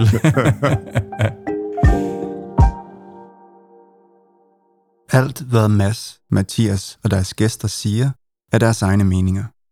Det er ikke finansiel rådgivning. Denne podcast er udelukkende ment som information og skal ikke bruges til at lave beslutninger om investeringer. Mads, Mathias og kunder i New Deal Invest kan have positioner i de virksomheder, der tales om i podcasten. Godt. Hvad hedder det nu? Øhm, vi har fået en, en lytter kommentar, skråstreg spørgsmål, eller spørgsmål er det så nok ikke. Øhm, det, det lyder sådan her. Et forslag til et emne kunne være at dele diverse vækststrategier i grupper, og så specificere, hvilke nøgletal I finder relevant for, øh, for casen. Og jeg synes egentlig, det, det er et rigtig øh, relevant øh, ja, kommentar. Øh, hvad hedder det nu? Er det så? Fordi det er jo også det, som, som jeg bøvler lidt med, som, som jeg nævnte før, jo ikke et super god, øh, lige god regnskabsteknik, som du for eksempel er. Så det er meget rart at vide, hvis man sådan kan lave en, en, en nem shortcut øh, måde at screen, screen de her tal på. Så øh, det synes jeg egentlig var en, en rigtig spændende sådan observering, vi godt lige kunne prøve at, at lige øh, snakke lidt om. Ja, det var Jeppe Danov via Twitter, øh, der, der spørger, øh, og, og, og meget relevant spørgsmål. Og, og det er jo også det her med, at vi snakker hele tiden om, at kan man, at price sales, kan man bruge det til at kigge på aktier, eller, eller PE, skal man, øh, skal man bruge det, hvad, hvad er rigtigt? Og jeg tror egentlig, at, at det ligger i, mere i, i uh, hvor, hvor moden virksomheden er. Virksomheder har en rejse fra at være unge virksomheder til at være, altså være venture virksomheder til at være øh, øh, vækstvirksomheder, og så på et tidspunkt, så er de mere øh, det, man kalder GARP-virksomheder. Det står for Growth at a Reasonable Price. Øh, og så til sidst, så bliver de øh, value-virksomheder. Og, og jeg, jeg tænker, øh, for lige at bringe det til live, så lad os prøve at se på en æbleplantage. Så hvis nu Åse, hun tænker, jeg skal, øh, jeg, jeg, er faktisk, jeg kan godt lide at dyrke æbler, og det går godt, og nu har jeg solgt nogle fra min egen have i, i, nede på markedet, og det, det synes jeg egentlig er sjovt og sådan noget. Jamen, så kan hun tænke, jamen, jeg vil gerne lave en æbleplantage. Så må hun ud og snakke med noget venturekapital, øh, og, og låne penge til at købe jord og til at købe æbletræer øh, og plante og sådan noget. Så hun starter ud med, øh, med varm luft og, og en overbevisende pitch og så videre, og så låner hun nogle penge og går i gang med at købe jord og plante æbletræer. Så begynder de her æble, æble, æbletræer at vokse op, og, og efterhånden begynder hun fa- rent faktisk at have indtægt øh, og, og, øh, og sælge nogle æbler. Men der skal stadigvæk gødes, og der skal plejes i mange år osv. Og, og så har hun den idé, at øh, hey, det, det kunne faktisk godt være, at det var bedre, hvis jeg havde var dobbelt så stor. Fordi så kunne jeg, øh, så kunne jeg købe nogle større maskiner, ansætte nogle folk, rationalisere, optimere og sådan nogle ting, få bedre pris på gødning og så videre. Så, øh, så tager hun hendes æbleplantage på børsen, øh, laver en IPO og rejser noget mere kapital og, og, og går i gang med at investere i noget mere. Hun har stadigvæk dunderne underskud. Øh, og det vil sige, nu har hun egentlig en omsætning, men hun har underskud. Så, så lige nu, hvis man bruger PE nu her på det her stadie, som er vækststadiet, øh, jamen så, så giver det nogle mærkelige, altså det, det giver ikke mening. Man kommer frem til, at hendes virksomhed er ikke noget værd, fordi den giver underskud. Men det er den jo. Altså der er jord, og der er æbletræer, man ved, at de vokser op og kommer til at give æbler, så, så det har en værdi, men man skal prissætte det på en eller anden måde. Og på det her stadie, der kan man prøve at kigge på, hvor meget sælger hun. Øh, og så kan man prøve at se på øh, Bentes æbleplantage, som er moden med 30 år gamle æbletræer og sådan noget. Hvor, hvad er overskudsgraden der? Så kan man bruge price-sale-tallet, altså øh, toplinjetallet, til at prøve at estimere, hvad, hvad kan den her virksomhed være værd ned ad vejen. Så det er derfor, at når virksomheder er i det her stadie, så bruger vi øh, omsætningstallet for ligesom at have en idé om, hvor er de henne, hvor store er de, og hvad kan det blive til. Øhm, og så, øhm, så, så begynder æbletræerne at blive, blive store og modne og så videre, øhm, og hun investerer ikke så meget mere, så nu vokser øh, virksomheden ikke så meget mere. Den vokser stadigvæk lidt, hun køber stadigvæk lidt mere jord og nye træer og sådan nogle ting. Øhm, og så bliver det til en GARP-virksomhed, Growth at a Reasonable Price. Så nu er der overskud, men ikke så stort et overskud, til gengæld så vækster øh, virksomheden.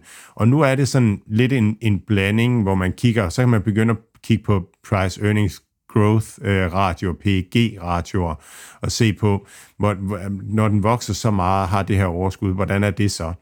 Øh, og så til sidst, så bliver det en moden virksomhed, øh, ligesom Bentes æbleplantage, der ikke vokser mere.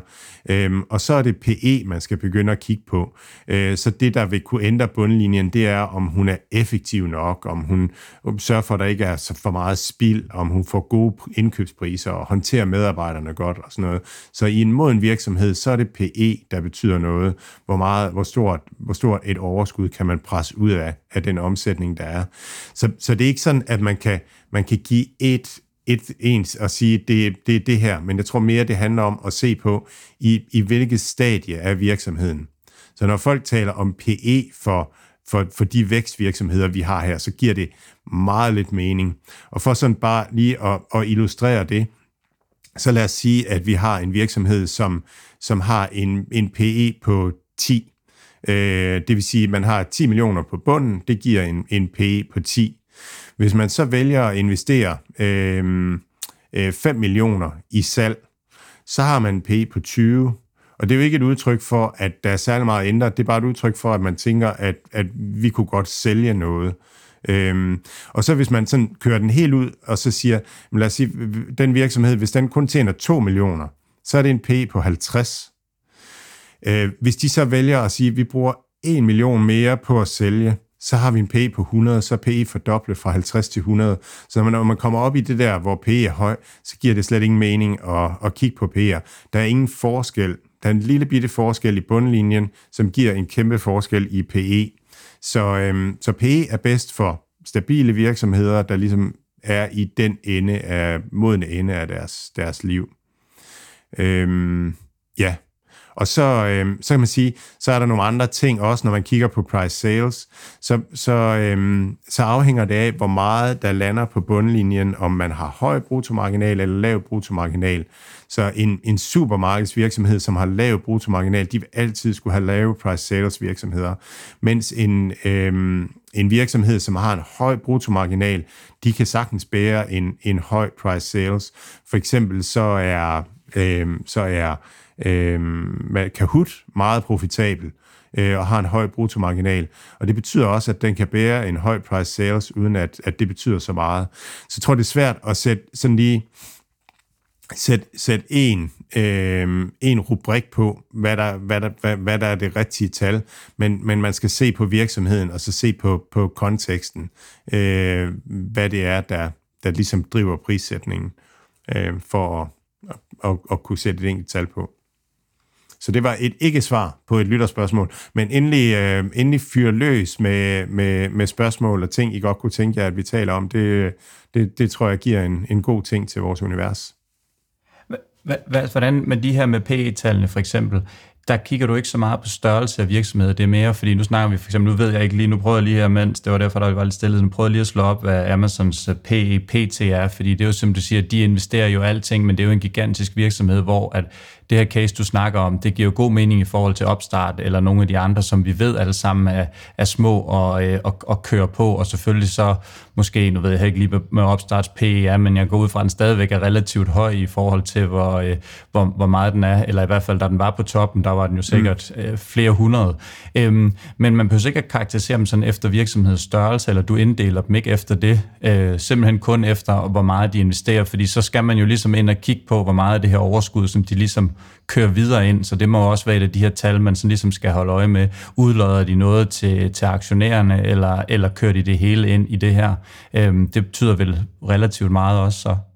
Ja, og det, altså Amazon er et sindssygt godt eksempel, fordi selvom Amazon er en gammel virksomhed og en kæmpe virksomhed, så insisterer de på at være og, og, og ligesom at drive virksomheden som en ung æbleplantage, øh, hvor, hvor, vi, øh, hvor, hvor de siger, at, at de vil de vil vækste mere. Og det giver jo sindssygt meget mening, fordi det, de egentlig er ved at skabe, det er, at de er ved at skabe en, en horisontal værdikædedominans på, øh, på delivery, altså på fulfillment øh, af e-commerce varer i USA. Så de, bliver, de, de får samme position for fulfillment i USA, som OPEC har for, øh, øh, for olieproduktion. Øh, og det betyder rigtig meget for ens konkurrencekraft og, og, og prissætningen og sådan nogle ting. Så, så de investerer langsigtet. Det er det, som Clayton Christensen kalder øh, disruptiv innovation. Øh, mens at for eksempel Facebook Meta er, er måske et eksempel på en virksomhed, som er gået over til det modne stadie da, da, da Brad Gersner fra Altimeter Capital skrev det her åbne brev, som, som har tvunget Zuckerberg til at lave hans pivot og overgå til at være øhm, at bespare og, og levere bundlinjeresultater og sådan nogle ting, i stedet for at investere langsigtet i at bygge, øhm, bygge fremtidens øh, platform for compute. Det vil, det vil også... Øh, det, Amazon er vel også et godt eksempel på, at, at det her P, og du har selvfølgelig sagt det mange gange, men, men det her P med de her vækstselskaber, det kan man ikke snakke om, for nu sidder jeg lige og kigger her. Øh, Amazons højeste P, øh, PE-værdi, det var 3.265 øh, og i øjeblikket ligger den på, øh, på 94. Så man kan jo sige, hvis, hvis du havde det PE-tal med, med, noget, med, med nogle af de andre mere modne virksomheder, som Amazon alligevel er, det er jo en moden virksomhed, der har været der mange år og sådan nogle ting, så vil du jo tænke, det, det, vil, det vil du være løgn. Altså du vil jo bare sige instant, det er løgn, det kan ikke lade sig gøre, hvis du, hvis du sammenligner det med nogle af de andre. Så det er jo sådan, det er meget sjovt, at, at, at, at det er på den her måde, som, så du kan jo ikke bare tage og kigge på, på Amazons P og sige, at den er uinteressant, den er alt for dyr, den her aktie. Øhm, sådan umiddelbart i hvert fald. Nej, lige præcis. Og, og så forskellen på PE på 30.000 og så PE på 94, den er stort set ingenting. Lad os sige, at du har omsætter for 100 kroner, og du tjener 1 krone på bunden, så har du en PE på 100.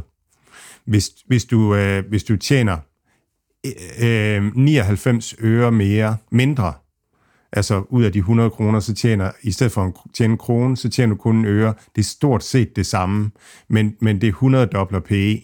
Så lige pludselig er PE ikke 100, så er PE 10.000. Øh, og, og, og det er ingen forskel på bundlinjen. Så PE-forandringer, det er mest nede i, i, i, i den range, der hedder 5 til, til 20-30 stykker, hvor, hvor, hvor det sådan rigtig giver mening at snakke om det, og så er det modne virksomheder. Super spændende, og, og tak øh, for, øh, for kommentaren, spørgsmål, spørgsmålet. Ja, som Mads siger, bliv endelig ved. Vi vil meget gerne prøve at tage det op, og, øh, og fagne bredt og cater til jer derude, hvis I sidder med noget. Så øh, ja, det er landet løs, og, og det er som altid øh, en fornøjelse at se, hvor mange der, der lægger ting op inde på vores aktieunivers, og også hvor mange øh, nye danskere, som bidrager med, med helt vildt meget, øh, hvad hedder det nu, virksomhedsanalyse på daglig basis og andre kommentarer og sådan nogle ting. Jeg synes, det er helt vildt fedt, at, at der er mange, der, der bruger så meget af deres, øh, deres tid på at, at, at bidrage med det her. Det, det er jeg bare mega fan af, og jeg læser i hvert fald rigtig meget af det, så, øh, så tusind tak for det, og blive, blive endelig ved. Hvad hedder det nu? Øhm, vi skal i gang med nogle regnskaber, Mads. Øhm, ja. Og der, øh, ja, du, er, du får lov at være øh, quarterback på det. Øhm, vi kan starte med Kaupang. Ja, øhm, det er, det er øhm, Sydkoreas øh, Ali, øh, Sydkoreas øh, JD.com.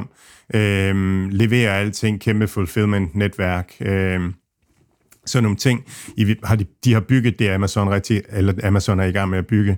Deres øh, omsætning stiger 5% i dollars, men øh, det giver ikke rigtig mening, fordi de er kun i Sydkorea, stort set.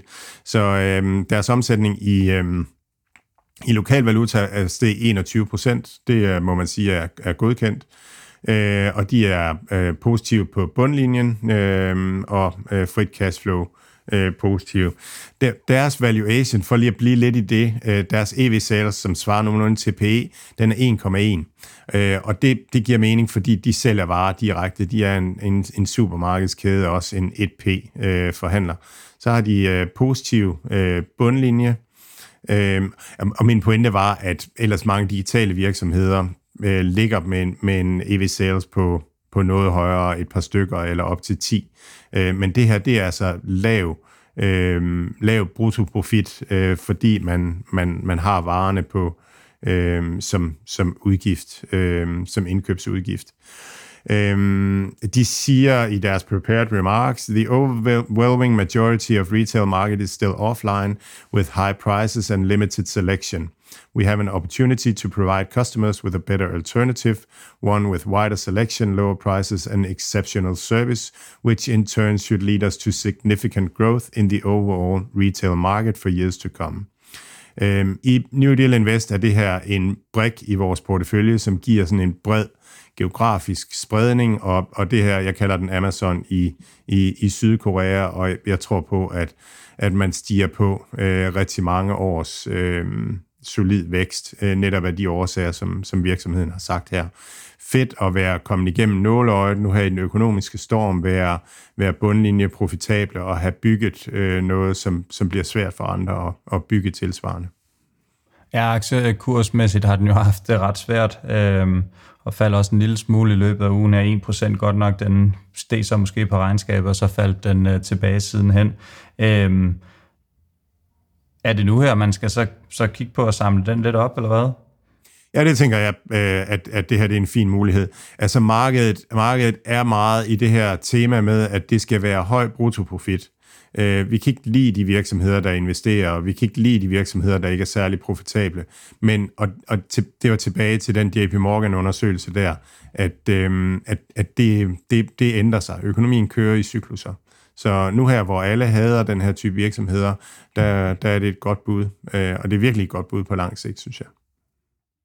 Lad os komme over til Zoom. Ja, øh, Zoom øh, med et regnskab, hvor de øh, stiger deres omsætning 4%, øh, 6% i lokal valuta. Øh, Enterprise-delen, altså den til virksomheder, øh, stiger med 18% og er nu 57% af omsætningen. Øh, Øhm, Zooms øh, at, at det, den del af virksomheden, der er til private og, og små kunder og sådan noget, steg rigtig meget under corona, og det er derfor, at, at væksten har svært ved rigtig at tage fart.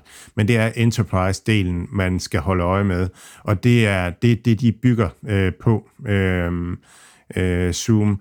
De øh, vil gerne, øh, deres 2024-mål er at øh, redefinere teamwork, empower smarter øh, experiences and workflows, og at det er value øh, ud over IT i virksomhederne. Så de bevæger sig lidt ind i, i det her øh, CRM-space, og det her space, som Monday også øh, er på vej ind i, og som... Øh, øh, som øh, Salesforce er i og sådan nogle ting, og de bruger deres, øh, deres video som, der, og der, nej, deres Zoom Phone som, som, øh, som spydspids til at sikre sig kunderne, og så vil man gerne sælge op og blive en større og større del af, af virksomhedernes øh, øh, IT øh, eller samarbejdsinfrastruktur. Nu nævnte du for, at det ved at være måske et halvt års tid siden, at øh, uh, Kathy Woods var ude at sige, at hun godt kunne se den her gå i 1600. Uh, øh, indtil videre har hun i hvert fald ikke fået ret, og nu den i, i, i 70. Jeg tror på det tidspunkt, hun snakkede om, det godt kunne være den næste raket, der lå den i omkring 120 eller et eller andet, og så er den så nærmest sparket 50 procent siden. Altså, har du stadig de her øh, forhåbninger om den? Fordi at, at jeg er med på, som du lige siger, at jamen, de kigger på nye, øh, nye ting, de skal beskæftige sig med, men det skal de saftsus med os, øh, bare for at være en lille smule interessante. Og, øh, og der er altså hård konkurrence fra, fra Microsoft og, øh, og nogle af de andre helt store, hvor man ligesom kan sige, jamen, altså PT ligner de vel ikke vinderen? Ja, det, altså, det er meget godt at vokse 18 procent. Hvis du bare ser på, på den del til virksomheder, så er det faktisk ret godt at, at vokse 18 procent. Det er der skidt ikke øh, så mange, der kan demonstrere lige i øjeblikket. Øhm, så, så det virker okay. Øhm, så har de øh, masser af penge. De, øh, jeg, jeg kan ikke lige huske tal. Jeg tror, det er 3-4 øh, milliarder, øh, de har. Og de bliver også spurgt på earnings call, om, om de vil kigge på opkøb, og det snakker de faktisk om, at, at de gerne vil. Så, øhm, så der er en del virksomheder, som, som kunne være interessante for dem. Altså i bund og grund, sådan en virksomhed som Monday kunne være super interessant for, for dem at købe, tænker jeg. Øh, fordi det vil, men, men altså, så de, de, øh, de har adgang, de har en distributionskanal, øh, og så har de, øh, så har de muligheden øh, for det, og de øh, tjener penge. Altså den PE for næste 12 måneder ifølge Køjfin er 18, øh, og deres enterprise value to sales er 3,8. Så det virker fair pris at tjener penge, har en distributionskanal. Øh, ja, jeg, jeg, jeg synes, det er, det er et af budene. Det er jo super svært, når det er fremtiden at sige, det er den her. Det, det, jeg, har lige, jeg har lige læst på det, og det er den her, der vinder. Det, øh, det, det, det kan bare man var ikke. så nemt, ja, hvis det bare præcis. var så nemt, så, ja. så ville der være mange, der, der vil gøre det derude. Så Zuma, Zuma er et af budene. De er med i, i feltet øh, af dem, der kan løbe med det her virksomhedsspace. Så skal vi over til Hems and Hers. Ja, øh, det er virkelig raketten her for, øh, for, for det sidste år, op et par hundrede procent siden bunden i, i sommers. Øh, de vokser deres omsætning med 97 procent. Hims Hers er, er en øh, sundhedsplatform. Øh, de har en app, hvor man kan bestille øh, medicin, man kan få adgang til øh, lægekonsultationer, og, og man kan søge på alle mulige forskellige sundhedsråd. Hvis man er lidt træt, så kan man gå derind og, og søge på, hvad årsager til, til træthed øh, kan være. Øh, og, øhm, og der ja, der vokser øh, omsætningen med 97%, og vokser antal øh, subscribers med 88%. Den handler til en EV sales på 2,9 nu her, efter den her stigning her. Øhm, og, og, øhm, og de er EBITDA øh, positive nu. Øhm, og nu begynder de at investere i egen logistik øh, og så videre. Altså det er bare en fantastisk virksomhed, og jeg synes slet ikke, den er blevet for dyr på nogen måde. Taler meget godt ind i det der JP Morgan igen, at de virksomheder, som starter uprofitable, øh, før det her bliver slagtet på grund af det, og så formår at, at blive profitable, det kan godt blive et, et rigtig godt bud på noget. Øhm, vi, og så øh, skriver de her, we entered øh, uh, 20 Øh, 2023 with tremendous momentum and are poised to drive top line growth and profitability as we focus on four strategic pillars building a trusted brand, deploying leading technology, developing innovative products and services, and in ensuring clinical excellence. Um, de er bare på, um, på en fed mission. Um, ja. Ja, de har i hvert fald øh, for lidt mere tur i den end, end Teladoc, hvis, øh, hvis man kan sige det sådan. Jeg vil holder mig lige fast i kurven her for ugen, øh, stiger rigtig meget på regnskabet, og så sætter sig sådan 15 procent efterfølgende. Og det er vel også et andet godt eksempel, ud over C3A. Det, det, det, det investorerne de er lidt, øh, lidt fredagsfulde. De kan ikke rigtig helt finde ud af, hvad ben de skal stå på, om de skal gå på dansk gulv, eller bare fortsætte, fortsætte i barn med, med den her. Øhm, så det er jo måske også en af de her aktier, hvis mindre man virkelig ved, hvad man taler om, jamen, så kan det svært at, at kigge ud, om det lige er den her, eller nu kan jeg også, var det også Amazon, der var ude at købe, nu kan jeg ikke lige huske, hvad den hed, Health, et eller andet. Øhm, så det er svært lige at kigge ind i, hvem det her er, men, men sådan som overordnet set, jamen, så er det jo en sektor, der giver super god mening, at man bare lige åbner computeren, og så, øh, og så kan man få øh, en konstellation, eller slå ting op, eller øh, også bestille nogle, nogle ting derindefra, hvis man har øh, ja, det før omtalte udslæt på albuen. Ikke at jeg har det, men øh, ja, det er der nogen, der har. Ja, og, og vi, har, vi gennemgik jo aktien i sommer. Vi havde et interview med med, med, med en, en svensk, øh, svensk øh, ven, øhm, så, så det kan man finde, det afsnit, hvis man vil have en introduktion til, øh, til, til, til platformen. Og så med hensyn til kursreaktionen, så tror jeg også, det var den her snak omkring højere øh, at renten skulle være højere længere. Altså, når, så snart det er makro, der, der styrer øh, retningen, så, øh, så, øh, så skal den her type virksomheder ned. Øh, men, men så snart det er mikro, og man, man begynder at kigge på virksomheden, så øh, er jeg stadigvæk vildt begejstret, og, og, og, og vi har den i New Deal Investor, den, øh, den ligger bare og, og, og skal, øh, skal ligge der i, i en del år, mens de øh, kører den her mission af, af stablen. Så skal vi til øh, Fubo TV. Den glæder mig til at høre lidt om. Det, det, det ser svært ud, sådan rent øh, kursmæssigt i hvert fald.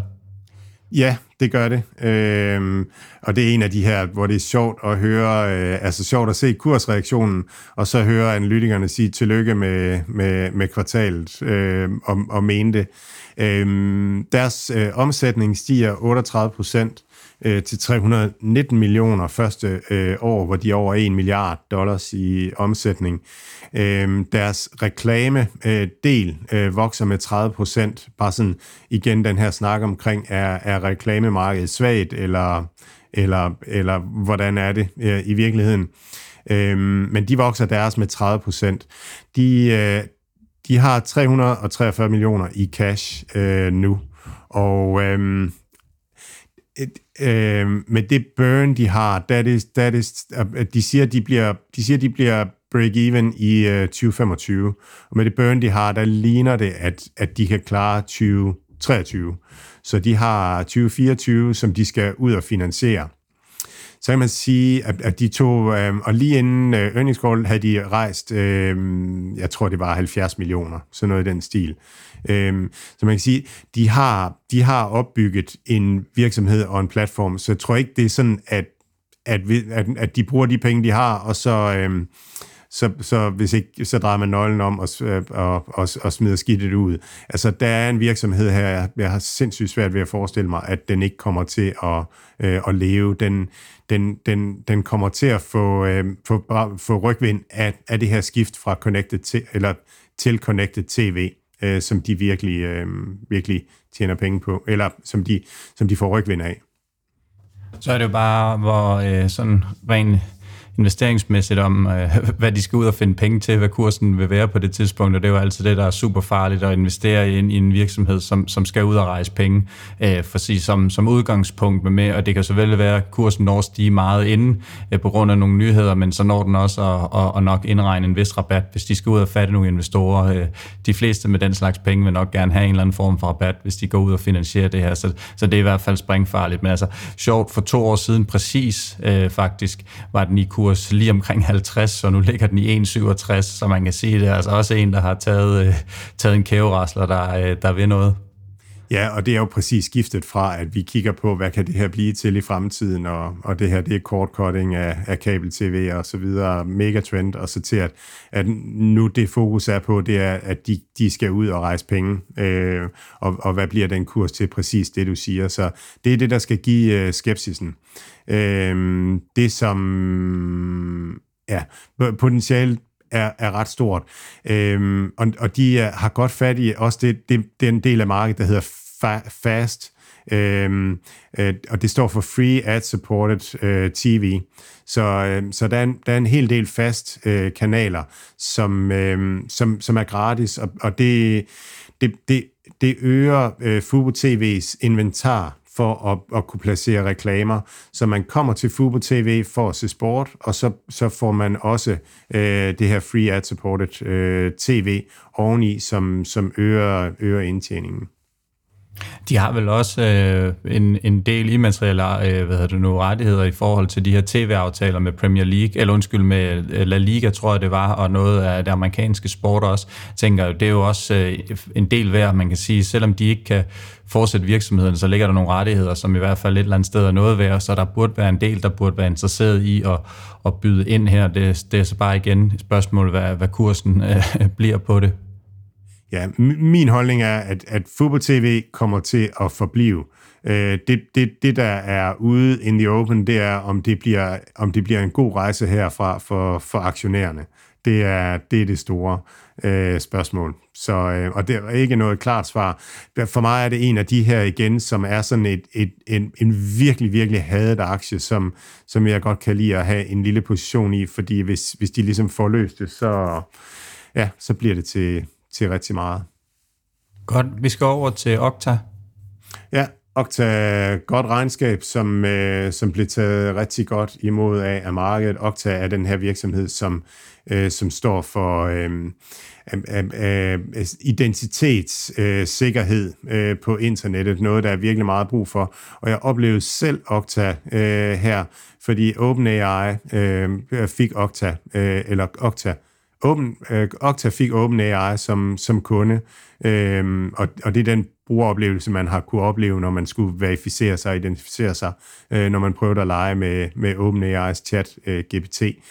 Øh, og det synes jeg siger noget, ikke? fordi at, at at okay, OpenAI er, er medejet af Microsoft og så videre, men, men det er stadigvæk Okta, som, øh, som man går til, når man skal have løst øh, det her problem. Deres omsætning stiger 33 procent øh, til 510 millioner.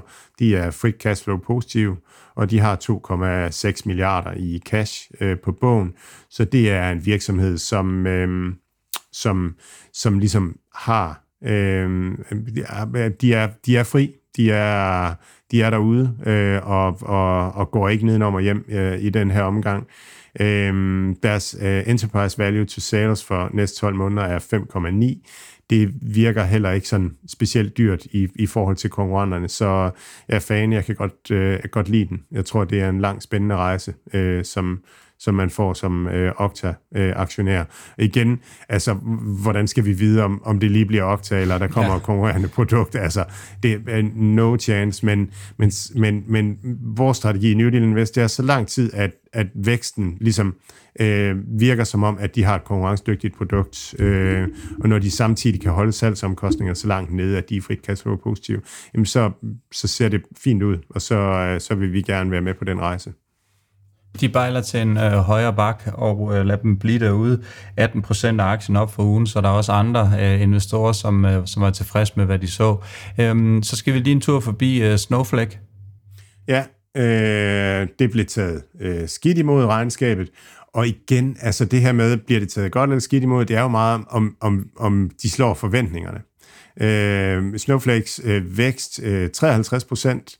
Øh, de er også dobbelt så højt prissat, øh, som, som Okta for eksempel. EVN øh, sales for næste 12 måneder er 14, øh, så det er lige, lige lidt over det dobbelte. Men de vokser også lidt mere, øh, øh, og, de har, og de er også frit cashflow øh, positive. Øhm, og de udvider samarbejde med AWS. Øh, de vil til at købe aktier tilbage, og det for at undgå Øh, fortælling. Der var lidt snak på earnings call om, var det bedre, at de investerede de penge, de har i at, at skabe nye indkøbsstrømme osv. Øh, og der siger øh, CEO, at jamen, de regner med at generere 2 milliarder dollars over de næste par år i frit cashflow, så de synes godt, at de kan begynde at, øh, at bruge nogle dollars på at, at modvirke øh, fortønding. Øh, så men, men øh, men, men det var lidt dårligere end meget forventet, og derfor, øh, derfor skulle de ned, og det er også en aktie, der, der er højt øh, prissat øh, nu, øh, som den er. Men igen, øh, jeg ser jeg ser store muligheder i det, netop det her med, at de, de kommer til at bygge en platform øh, på, øh, på deres data-platform, øh, øh, og det kan jeg godt lide. Jeg synes, det er en, en spændende forretningsmodel, der giver, der giver mening. Så det er også en rejse, som, som, som vi er med på i New Deal Invest øh, på, på samme øh, måde som Okta det sidste års tid er der ikke sket sådan super meget, har den været rimelig stabil aktien. Den kommer selvfølgelig fra noget, fra noget højere niveauer i, øh, i november 2021, hvor det hele toppede ud næsten kurs 400. Nu handler den til omkring 142, men siden, øh, ja, siden 1. maj 22 har den sådan ligget sådan rimelig stabil inden for et spread ind til 15 procent eller et eller andet. Ja, så, øh, så det giver god mening, du siger, at den stadigvæk er, er dyr her i, i, i opsvinget og i starten af året. Der er det ikke en af dem, som øh, øh, det har ikke været en publikumsfavorit. Det har ikke været, øh, hvad hedder det nu, øh, ja, et, tre, tre, tre bounty for 10 kroner netto, som er blevet, blevet revet væk i hvert fald. Så, øh, så den står lidt, men, men bundsolid virksomhed, som du siger, Warren Buffett var inde i den tidligere også det gør han altså ikke, medmindre at, at de, er, de, de har styr på, på deres, men øh, måske lidt, lidt usekset i øjeblikket på en eller anden måde. Øh, jeg ved det ikke. Det er i hvert fald ikke en, en investorfavorit, øh, kan vi øh, roligt konkludere. Så lad os øh, komme over til øh, Salesforce. Ja, øh, ja. Salesforce øh, og nu er vi i den mere modne. Nu er vi i den der garb-fase nok i virkeligheden. Øhm, og og de, jeg snakker om de der forskellige faser, venture og growth og garb og value. Og tit så er der sådan et skifte øh, imellem, er man det ene eller det andet. Og Salesforce har nok set sig selv som værende en growth-virksomhed. Øh, og nu har de fået nogle aktivistinvestorer ind, som har sagt, nu må I simpelthen skære omkostninger til at se at blive øh, profitable. Og det er de så i den grad øh, blæne nu. Øh, øh, øh, har et frit cashflow på 2,5 milliarder, som vokser øh, 42 øh, procent. Deres market cap er 187 øh, milliarder. Øhm, har jeg regnet. Øh, ja, så deres øh, free cashflow yield er cirka 5%, altså øh, den, den, den mængde penge, som man, man hiver ud på bunden, øh, eller den mængde penge, virksomheden kaster fra sig. Øh, så det er, det er okay, øh, fint, øh, som, som en GARP-virksomhed, Growth at a Reasonable Price. Øh, deres omsætning stiger samtidig 14% til 8,3 milliarder. Det er meget godt øh, i, i det her miljø, øh, hvor, hvor vi er nu. så så det, blev, det blev taget rigtig godt imod, og de øger aktietilbagekøbet til 20 milliarder, planlagt fra 10 milliarder øh, nu her. Så, øh, så de, er, de, er ligesom, de er ligesom gået over i den næste virksomhedsfase, øh, og, øh, og, og, og virker som om, at, at, at det giver mening, bliver taget rigtig godt imod af, af markedet og, og, og solidt regnskab. 15 procent op for, øh, for ugen, det må i hvert fald sige at være godkendt, og, og 40 procent op fra foråret indtil videre. Det er, det er rigtig, rigtig flot. Mm. Vi slutter af med Z-skaler, Mads. Ja, øh, Zscaler cybersecurity øh, virksomhed, som, som, øh, som, spe, altså, som ligesom har deres spydspids i det, man kalder Zero Trust øh, netværk, hvor man, hvor man laver, altså, laver virksomhedens digitale infrastruktur, sådan at, at det er så, så sikkert øh, som muligt. Øh, vokser 52 procent til 388 øh, millioner. Øh, det er deres omsætning. Og så deres øh, billings øh, er 34, vokser kun 34 procent. Billings er de penge, man sådan får ind her og nu, mens, øh, mens, men hvis en virksomhed betaler øh, for øh, en kontrakt nu for, for det næste år, jamen så bliver det først anerkendt som omsætning i løbet af det næste år. Så når, når omsætning er større end billings, så tyder det på, at væksten sådan er, er aftagende. Øh, og øhm, ja, og det, det er det, det markedet reagerer på. Øh, grunden til, at den falder, det er, at, at billings øh, falder. I hvert fald sådan, som, som jeg har kunne forstå øh, markedet. Igen en virksomhed, som er frit cashflow positiv, øh, har en, en høj øh, bruttoprofit. Øh, ja, det, det, og når de har det, så er det vigtigt, at, at de vokser. Øh, det er der, at, at den store opside øh, kommer. Øh, valuation for, øh, EV sales for de næste 12 måneder er 11,4, og det er nogenlunde det samme som de andre profitable cybersecurity virksomheder, Palo Alto og øh, Fortinet, øh, som, som vi har talt om. Og nu hvor væksten i billings faktisk ligger der, hvor Palo Alto og, øhm, og, og Fortinet også ligger, jamen så, altså så, så, så skal aktionæren til at vælge imellem de tre virksomheder lidt mere på, på lige fod, hvor, nu hvor, hvor Z-scaler ikke vokser hurtigere. Og det, det tror jeg bare er, at der Z-scaler er. Så, øh, så den må være et, et, et valg på lige fod med, med de andre øh, profitable øh, cybersecurity. Men altså, det er stadigvæk, det er stadigvæk nice øh, med, en, med en profitabel virksomhed, som vokser øh, over 30 procent. Det blev ikke taget helt så godt imod, som du siger, som, øh, som Fortinet for eksempel. Den her, den bakker en, en 8-9 procent i løbet af ugen, hvor, hvor, øh, hvor Fortinet sidste uge steg, steg rigtig pænt. Øhm, så, øh, så jeg ved selvfølgelig ikke, om man kan læse noget af det ind, indtil videre, men, øh, men i hvert fald så ligger der en lille, øh, lille fordel ved, ved Fortinet lige umiddelbart, sådan i hvert fald ved, ved investorerne. Ja, det er det, man kan blive nervøs for, ikke? At det virker som om, at, at, at Fortinet og Palo Alto har sådan en, en øh, de har fart på deres omsætningsvækst, øh, og den er ikke aftagende, hvor sætskalers omsætningsvækst er aftagende. Nu er de lige store vækstraterne der. Hvordan, hvordan, hvordan spiller det så ud over de næste par år? Øh, og der er det bare rare at, at have den, der, der er på vej op. Det må være ligesom en, en ung øh, dubbelspiller i forhold til en gammel dubbelspiller, hvis de er lige gode. Hvad, hvordan tror man så, det bliver næste år? Jeg tror, vi nåede hele vejen rundt i dag, Mads. Det blev også en, en lidt længere udgave, så nu tror jeg også, at øh, folk de garanteret er trætte af at uh, høre på os og trænger til at få lidt, uh, lidt weekend og fred. Så uh, jeg vil egentlig bare ønske folk en rigtig god weekend, og selvfølgelig også god weekend til dig, Mads. Vi er tilbage igen næste uge. Tak, i lige måde, Mathias. God weekend. På genhør.